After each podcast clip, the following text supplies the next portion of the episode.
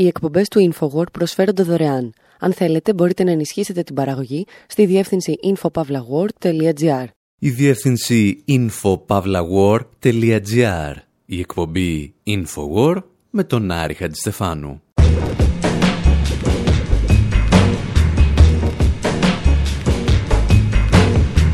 Όπου σήμερα σας λέμε τρία ψέματα για τη Βενεζουέλα για να δούμε αν θα μας πιστέψετε. Προσπαθούμε να ρίξουμε το ηλεκτρικό ρεύμα σε μια χώρα και σκεφτόμαστε εάν κάποιοι το είχαν προβλέψει πριν από πολλά χρόνια. Βάζουμε φωτιά σε μερικά φορτηγά με ανθρωπιστική βοήθεια και λέμε ότι το έκαναν οι απέναντι.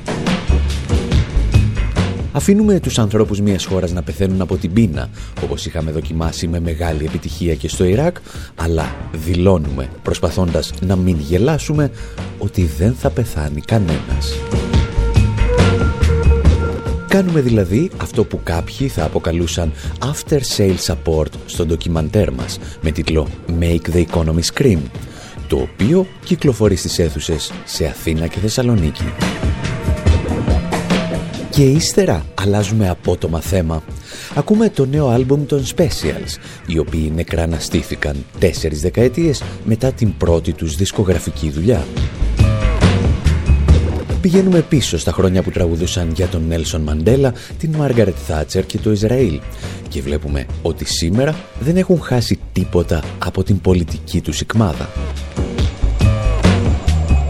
Εμείς όμως είπαμε να ξεκινήσουμε με πολιτικούς που λένε ψέματα και θα χρειαστούμε γι' αυτό τη βοήθεια του Stevie Wonder.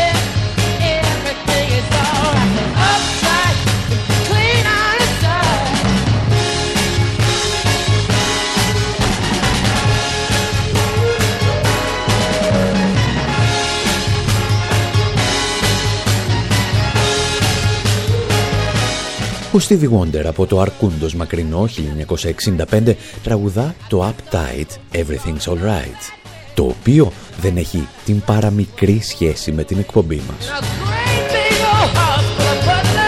Πριν από μερικούς μήνες όμως, μια τραγουδίστρια, της οποίας βαριόμαστε να αναφέρουμε ακόμη και το όνομα, παρουσίασε μια διασκευή του συγκεκριμένου τραγουδιού. Και το Everything is Alright έγινε Everything's Alright και ήταν αφιερωμένο στην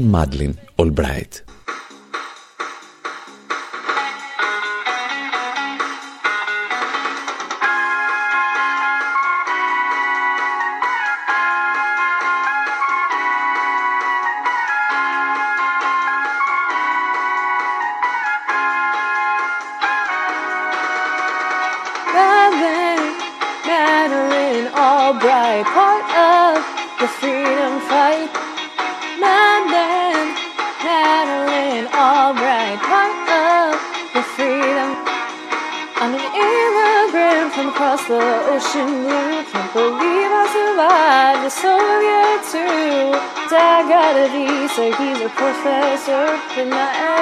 education caused me.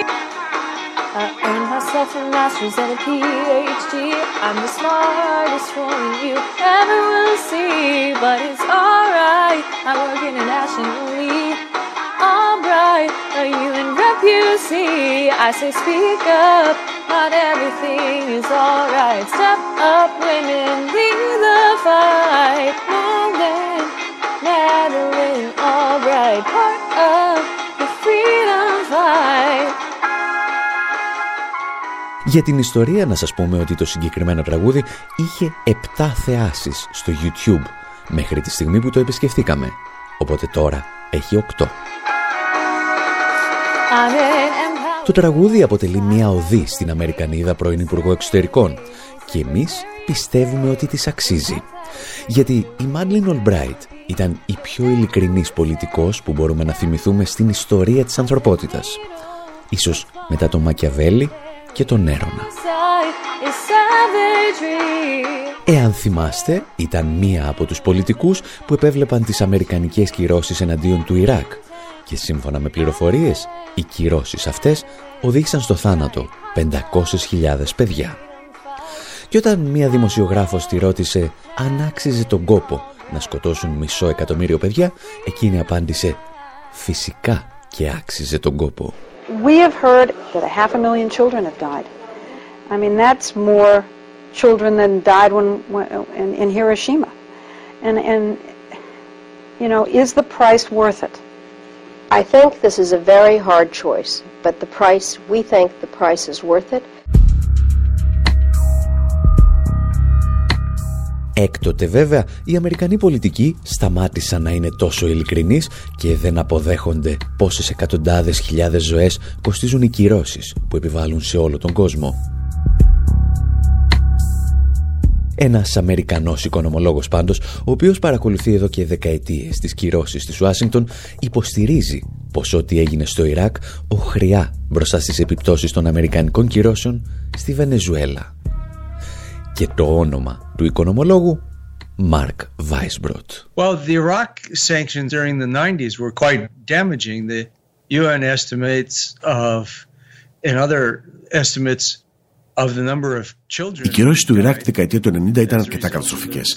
Ο ΙΕ εκτιμά ότι ο αριθμός των παιδιών που πέθαναν τη δεκαετία του 90 εξαιτίας αυτών των κυρώσεων αγγίζει τις εκατοντάδες χιλιάδες. Κι όμως οι κυρώσεις εναντίον τη Βενεζουέλας είναι χειρότερες. Πρώτα πρέπει να καταλάβουμε ότι όταν αναγνώρισαν τον Κουαϊδό σαν πρόεδρο, αυτό προκάλεσε ένα εμπορικό εμπάργκο. Γιατί η Βενεζουέλα εμπορεύεται το πετρέλαιό της σε όλο τον κόσμο σε δολάρια. Τα τρία τέταρτα των πωλήσεων γίνονται στις ΗΠΑ και χώρες που συμμετέχουν στην προσπάθεια του Τραμπ για αλλαγή καθεστώτος και που αναγνώρισαν η κυβέρνηση Γκουαϊδό. Έτσι λοιπόν, τα χρήματα που είναι η πηγή σχεδόν όλου του διεθνούς συναλλάγματος για την οικονομία της Βενεζουέλας, όχι μόνο για την κυβέρνηση αλλά για το σύνολο της οικονομίας, χάθηκαν με αυτόν τον τρόπο. Αυτό λοιπόν είναι αρκετά καταστροφικό. Το έκαναν και στο Ιράκ, αλλά εκεί είχαν το πρόγραμμα πετρέλαιο για τρόφιμα, που τους επέτρεπε να εξάγουν επαρκείς ποσότητες πετρελαίου.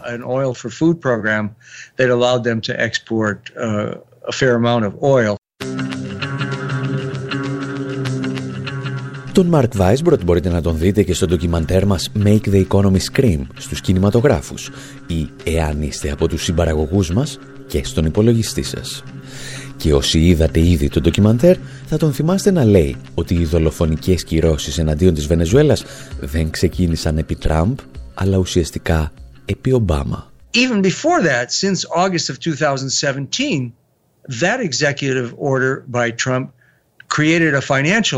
Ακόμα και πριν από αυτό, από τον Αύγουστο του 2017, το εκτελεστικό διάταγμα του Τραμπ είχε προκαλέσει οικονομικό εμπάργκο που ήταν επίσης καταστροφικό. Αυτό μείωσε την παραγωγή πετρελαίου κατά εκατοντάδες χιλιάδες βαρέλια και τους έκανε να χάσουν τουλάχιστον 6 δισεκατομμύρια δολάρια από την πετρέλαιο παραγωγή. Αν αυτό το συγκρίνουμε με τις συνολικές εισαγωγές προϊόντων για το 2018, που είναι 11 δισεκατομμύρια δολάρια, το ποσό είναι τεράστιο. Ή αν το συγκρίνουμε με τα 2 δις δολάρια που ξόδευαν σε φάρμακα. Και αν θέλουμε να πάμε ακόμα πιο πίσω, όταν ο Ομπάμα εξέδωσε εκτελεστικό διάταγμα τον Μάρτιο του 2015, εκείνες οι κυρώσεις επίσης έβλαψαν την οικονομία. Ακόμα και αν λένε ότι οι κυρώσεις αυτές στοχεύουν σε μεμονωμένα πρόσωπα, όταν στοχεύουν αξιωματούχους κυβέρνησης που διαχειρίζονται τις συναλλαγές σε όλο τον κόσμο, προκαλούν τεράστια προβλήματα. Οι τράπεζες και οι θεσμοί παίρνουν το μήνυμά τους από αυτά και σταματούν τις δανειοδοτήσεις. Και αυτό έχει αρχίσει μερικά χρόνια πριν από τις κυρώσεις που επέβαλε ο Τραμπ τον Αύγουστο του 2017.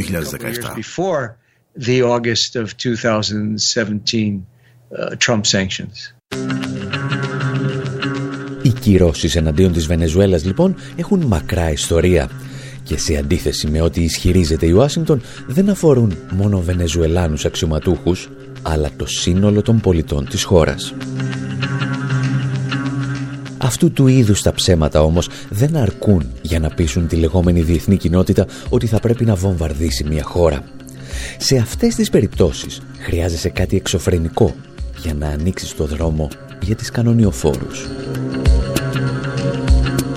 Και όπως υποστήριζε προημερών ο δημοσιογράφος Glenn Greenwald, κανένας δεν ξέρει να λέει καλύτερα ψέματα από τις Ηνωμένες Πολιτείες. Every time the U.S. wants to start a new war, it does it the same way, which is it invents some really inflammatory, emotionally wrenching lie. Κάθε φορά που οι Ηνωμένες Πολιτείες θέλουν να αρχίσουν ένα νέο πόλεμο, το κάνουν με τον ίδιο τρόπο.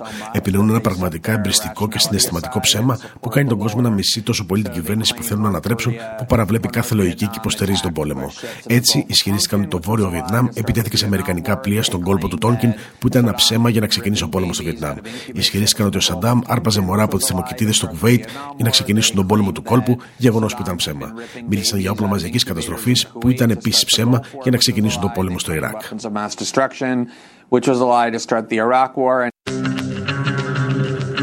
Τις τελευταίες εβδομάδες, καθώς αυξάνονταν οι ενδείξεις μιας επερχόμενης αμερικανικής εισβολής στη Βενεζουέλα, αυξάνονταν και τα ψέματα που ακούγαμε στα διεθνή μέσα ενημέρωσης.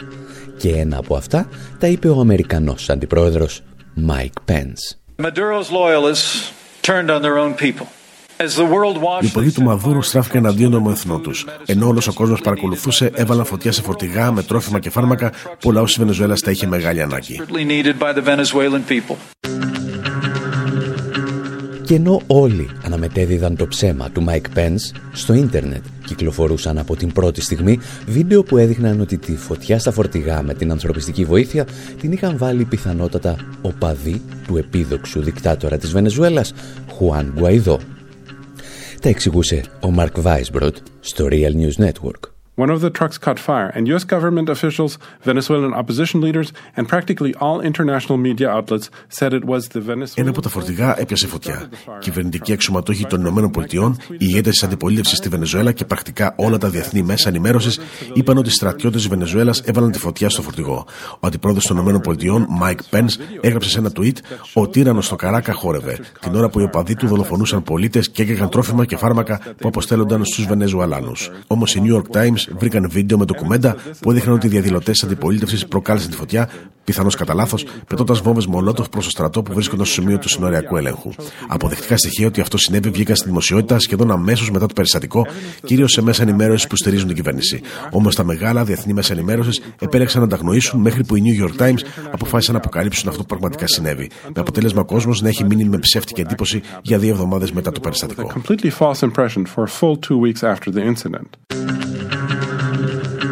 Το πρόβλημα με τα συγκεκριμένα ψέματα ήταν ότι ήταν τόσο χοντροκομμένα, ώστε μόνο μέσα ενημέρωσης Ελλήνων εφοπλιστών τα αναμετέδιδαν αμάσιτα. Ακόμη και τα αμερικανικά μέσα ενημέρωσης είχαν ορισμένους ενδιασμούς. Ο δημοσιογράφος Glenn Greenwald, παραδείγματος χάρη, εξηγούσε τι συνέβη όταν ο γερουσιαστής Μάρκο Ρούμπιο, ο αρχιτέκτονας της αμερικανικής πολιτικής για τη Βενεζουέλα, άρχισε να λέει τα δικά του.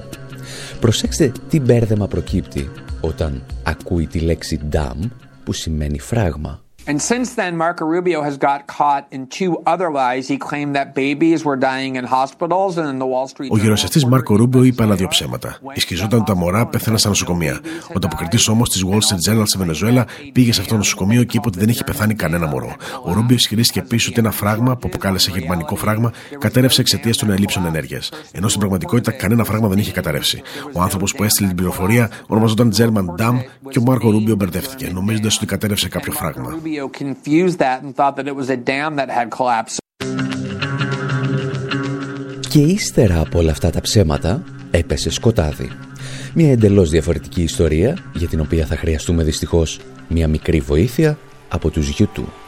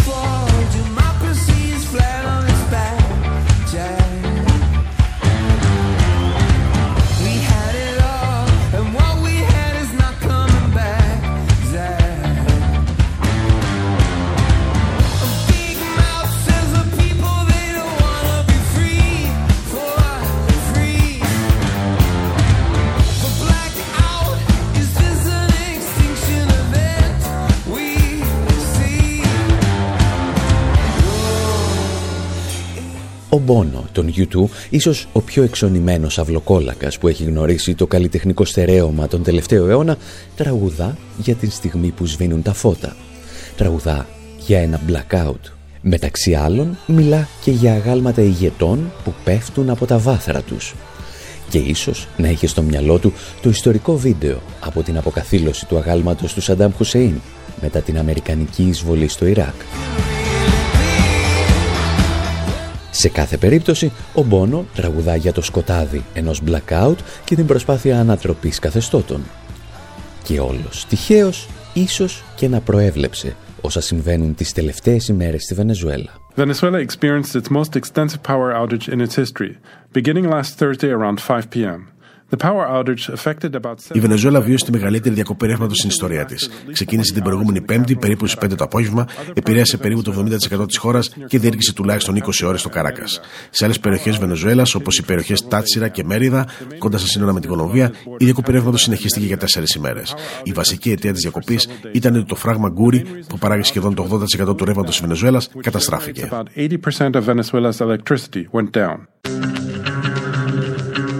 Ο πρόεδρος της Βενεζουέλας, Νικολάς Μαδούρο, απέδωσε αμέσως τον blackout σε σαμποτάζ των Ηνωμένων Πολιτειών, για την ακρίβεια σε μια κυβερνοεπίθεση.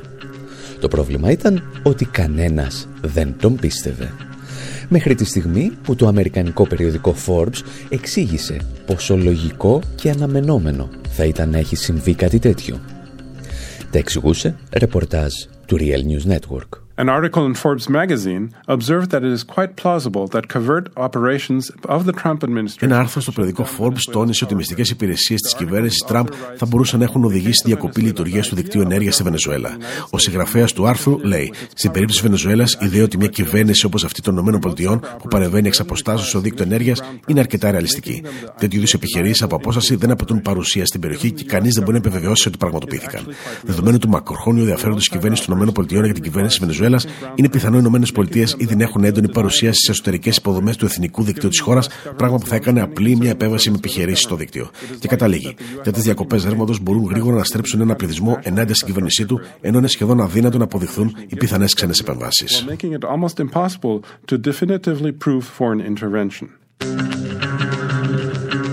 Σύμφωνα λοιπόν με το περιοδικό Forbes, το να εμπλέκεται η Washington στο blackout είναι μάλλον το λογικό και το να μην εμπλέκεται θα ήταν έως και περίεργο. Στην πραγματικότητα, ακόμη δεν γνωρίζουμε με αξιόπιστα στοιχεία εάν το blackout της Βενεζουέλας οφείλεται σε δολιοφθορά ή στην εγκατάλειψη του δικτύου. Γνωρίζουμε όμως κάτι άλλο που μας εξήγησαν οι New York Times πριν από λίγες ημέρες. Ότι αν δεν υπήρχαν οι αμερικανικές κυρώσεις, το φαινόμενο θα είχε αντιμετωπιστεί από τις πρώτες ώρες. Also, as the New York Times noted deep in one of its articles about the outage. Όπως τόνισαν οι New York Times σε ένα από τα άρθρα τους για τη διακοπή ρεύματος, οι κυρώσεις επηρέασαν τη δυνατότητα της Βενεζουέλας να εισάγει και να παράγει τα καύσιμα που απαιτούνται για τα εργοστάσια παραγωγής ηλεκτρικού ρεύματος που θα μπορούσαν να έχουν υποκαταστήσει τις εγκαταστάσεις του Γκούρι όταν καταστράφηκε.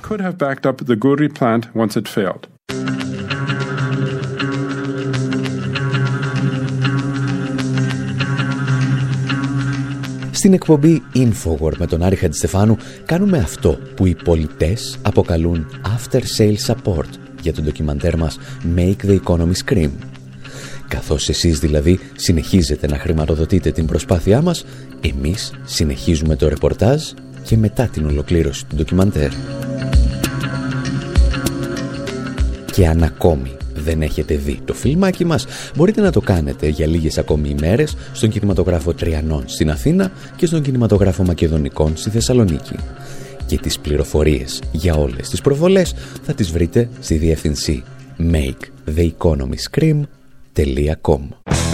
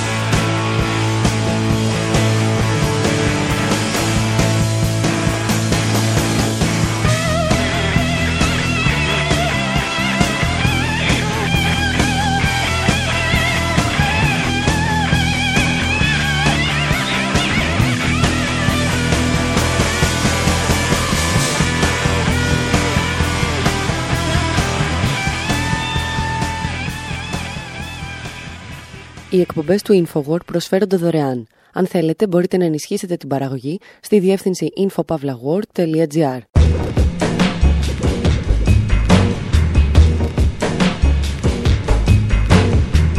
Η εκπομπή InfoWord με τον Άρη Χαντιστεφάνου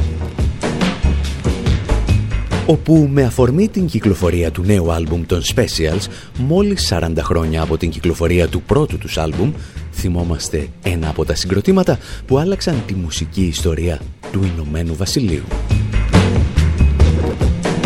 Τους συναντάμε σήμερα στα πρόθυρα του Brexit ή του μη Brexit να διηγούνται ανατριχιαστικά γνωστές ιστορίες από τη δεκαετία του 80 και λίγο παλιότερα. Ακούμε για παλιούς και νέους ρατσισμούς που γεννιούνται πάντα στις ρογμές της οικονομικής κρίσης. Ιστορίες για τη Lady Diana, τον Νέλσον Μαντέλα και το Ισραήλ από ένα συγκρότημα που γνώριζε πάντα ότι η πολιτική έχει την πλάκα της. Και ξεκινάμε με εκείνο το τραγούδι από το νέο τους άλμπουμ που συνδέει το παρελθόν με το παρόν του συγκροτήματος. Το Vote For Me.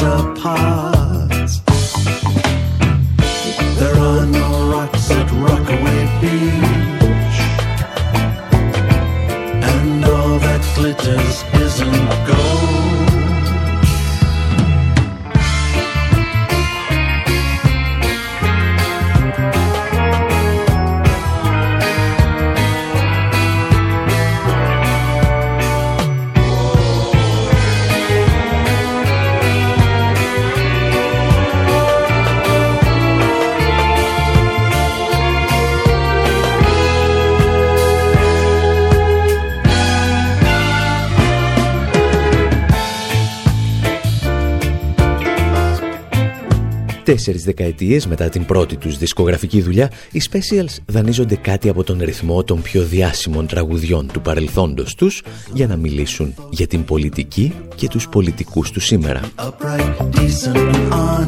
Κάθεσαι λέει και περιμένεις από εμάς να σε ψηφίσουμε, ενώ εμείς το μόνο που κάνουμε είναι να σε απορρίπτουμε.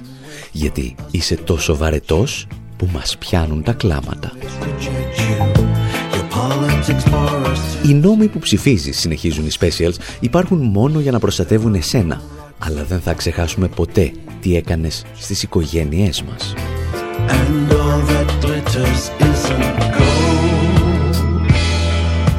Το νέο άλμπουμ των Special συγκεντρώσει σε γενικές γραμμές εξαιρετικές κριτικές και είναι αναμφισβήτητα μια πάρα πολύ καλή δουλειά. Αν και ορισμένοι αναρωτιούνται αν είναι αυτοί πραγματικά οι Specials. Το ερώτημα προκύπτει από το γεγονός ότι το συγκρότημα, στην αρχική του τουλάχιστον σύνθεση, έχει ξεκληριστεί. Ο τραγουδιστής Neville Staple και ο κιθαρίστας Roddy Byers δεν συμμετέχουν στο σχήμα, ενώ ο ντράμερ John Brandbury πέθανε το 2015. Και εσάς όμως όλα τα κύτταρα του σώματός σας έχουν αλλάξει από τότε που γεννηθήκατε, αλλά κανένας δεν αμφισβητεί ότι είστε ακόμη εσείς. Και το ίδιο πιστεύουμε και για τους specials. Πολιτικοί στη σκέψη τους μέχρι το μεδούλι, όπως εδώ, στο Breaking Point.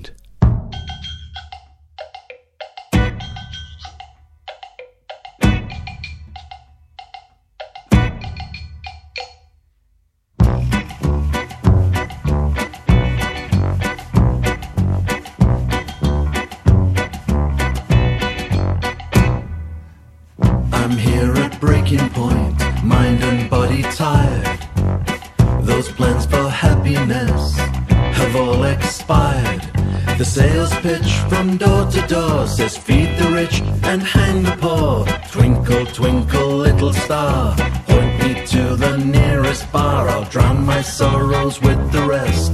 Do your worst, I'll do my best. Here I am at breaking point.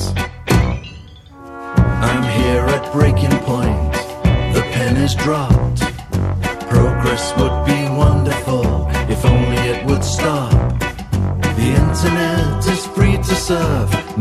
intellect by girth. Here comes another email. There goes another she-mail. Social media is a trend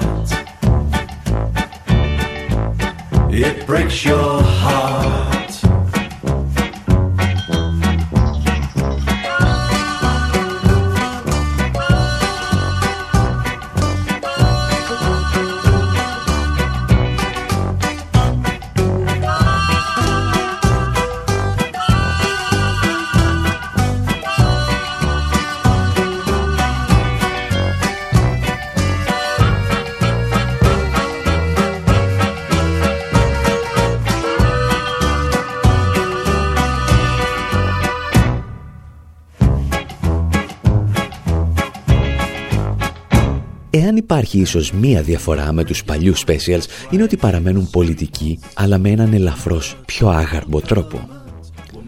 Όπως θα θυμηθούμε σε λίγο, πριν από τέσσερις δεκαετίες κατάφεραν να αναλύσουν ολόκληρη την εποχή της Μάργαρετ Θάτσερ μιλώντας απλώς για μια πόλη φάντασμα. Σήμερα λένε τα πράγματα με το όνομά τους και αυτό δεν είναι πάντα και τόσο λυρικό. Όπως εδώ, στο Breaking Point, μας διηγούνται ιστορίες για Αμερικανούς πεζοναύτες που ισοπεδώνουν τα πάντα στο πέρασμά τους, για πολιτικούς που ανατρέπονται και για εξεγέρσεις στους δρόμους της πόλης. Και παλιά τα ίδια έλεγαν, απλώς δεν τα ονομάτιζαν τόσο συχνά και τόσο ξεκάθαρα.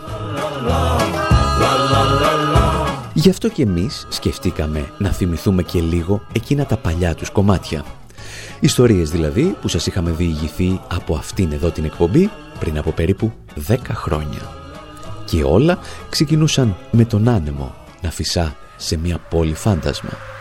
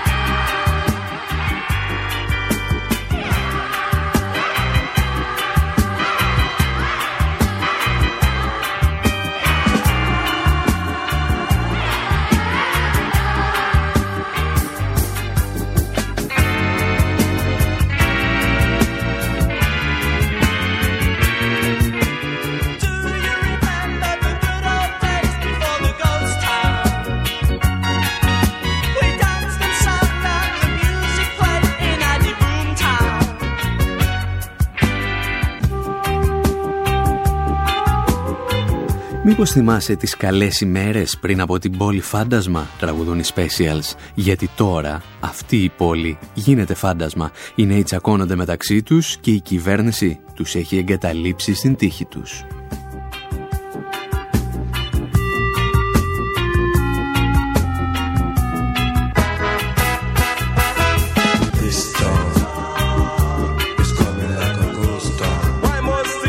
Αυτή η πόλη γίνεται πολύ φάντασμα τραγουδούν οι specials. Κανένας δεν βρίσκει δουλειά και ο κόσμος αρχίζει να τα παίρνει.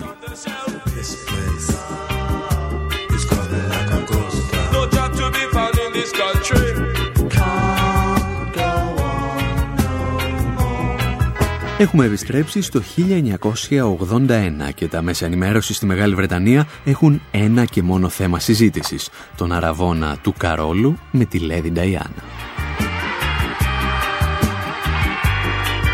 Μία παρέα από το Coventry όμως φαίνεται να έχει διαφορετική άποψη. Τραγουδάει για τις επιπτώσεις του νεοφιλελευθερισμού που έχει μόλις επιβάλει η Μάργαρετ Θάτσερ.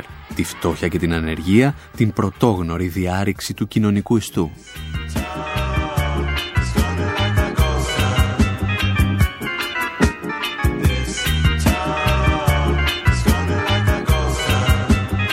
Η κυκλοφορία του τραγουδιού Ghost Town συμπίπτει με τις εξεγέρσεις που συγκλονίζουν τα μεγάλα αστικά κέντρα, το Brixton στο Λονδίνο, το Toxteth στο Λίβερπουλ.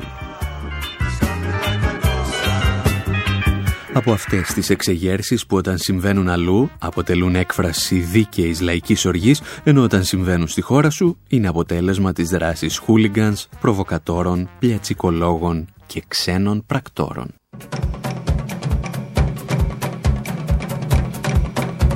Όπως κάθε βρετανικό συγκρότημα της εποχής που σέβεται τον εαυτό του και όχι μόνο τις δισκογραφικές εταιρείες, οι Specials κηρύσουν ανηρήνευτο πόλεμο με την Μάργαρετ Θάτσερ.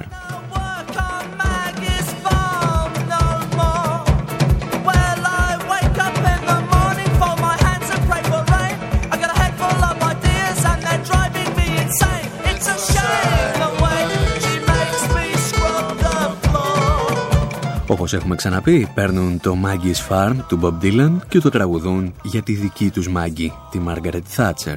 Δεν ξαναδουλεύω, λέει, στη φάρμα της Maggie.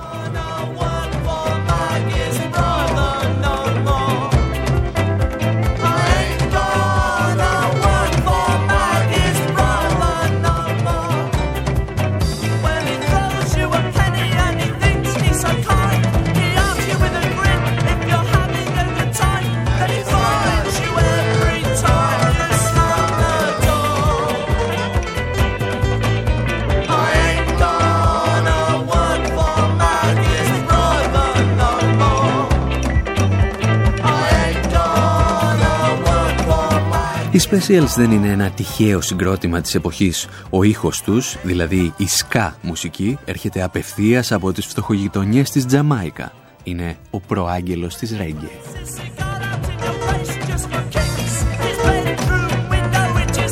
Το συγκρότημα όμως ίσως να είχε μείνει για πάντα στην ανυπαρξία εάν ένα βράδυ δεν ερχόταν σε μία συναυλία τους κάποιος κύριος Τζο Στράμερ, η ψυχή των κλάς. Τους βάζει να ανοίγουν τις συναυλίες τους σε μία από τις περιοδίες του συγκροτήματος και έτσι τους συστήνει επισήμως στο Ηνωμένο Βασίλειο.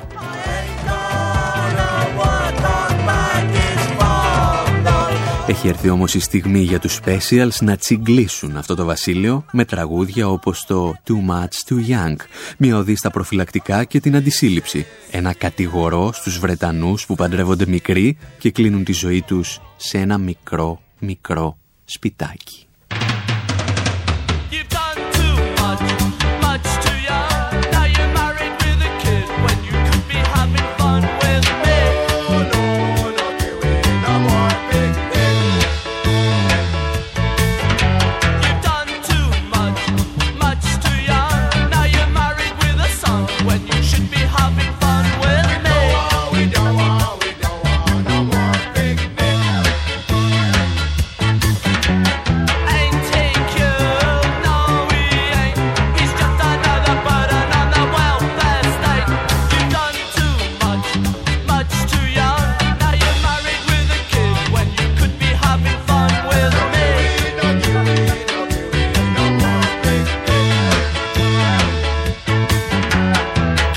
Specials είναι από εκείνα τα συγκροτήματα που παρακολουθούν τις διεθνείς εξελίξεις πριν μπουν στο στούντιο. Το 1982 η ανθρωπότητα γνωρίζει τη φρίκη με τη σφαγή εκατοντάδων Παλαιστινίων αμάχων στα στρατόπεδα Σάμπρα και Σατήλα του Λιβάνου. Την ίδια εποχή η Βηρητός πληρώνει με αίμα τη γυτνίασή της με το κράτος του Ισραήλ. Και οι Specials βρίσκουν την ευκαιρία να τραγουδήσουν το War Crimes, εκκλήματα πολέμου.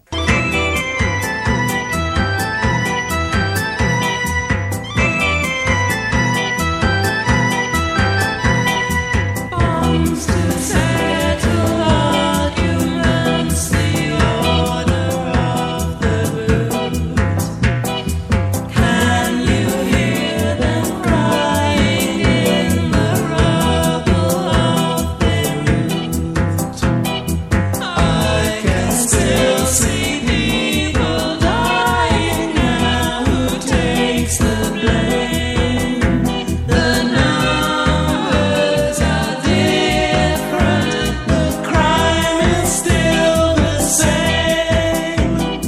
Από τα στρατόπεδα συγκέντρωσης των Ναζί μέχρι τη γενοκτονία στη Βηρητό, το Ισραήλ τελικά δεν έμαθε τίποτα, αναρωτιούνται οι Specials. Οι αριθμοί λένε αλλάζουν. Το έγκλημα όμως παραμένει το ίδιο.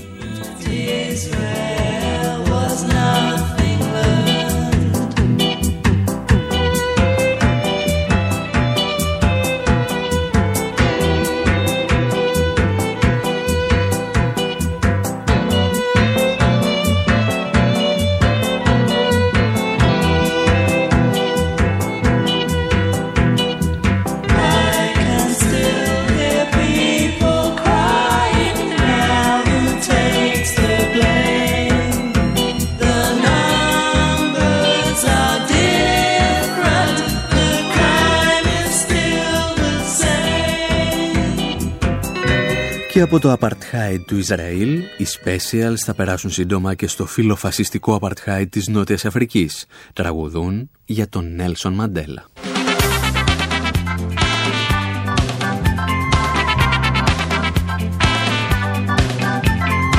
Για ορισμένους αυτό είναι το τραγούδι που τον έκανε γνωστό στη Μεγάλη Βρετανία, ξεκινώντας έτσι την εκστρατεία για την απελευθέρωσή του και την απελευθέρωση ολόκληρης της Νότιας Αφρικής.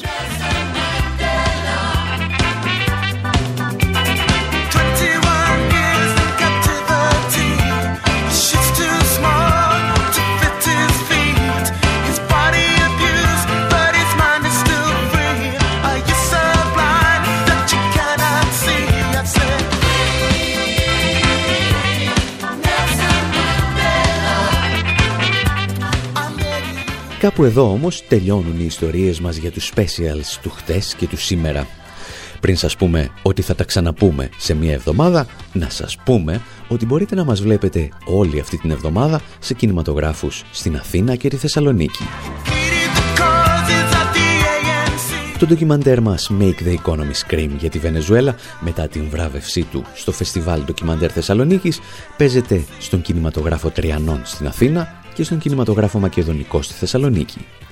Και αν σας ενδιαφέρει, θα σας συμβουλεύαμε να σπεύσετε. Τις ώρες προβολών και όλες τις πληροφορίες που χρειάζεστε θα τις βρείτε όπως πάντα στη διεύθυνση maketheeconomyscream.com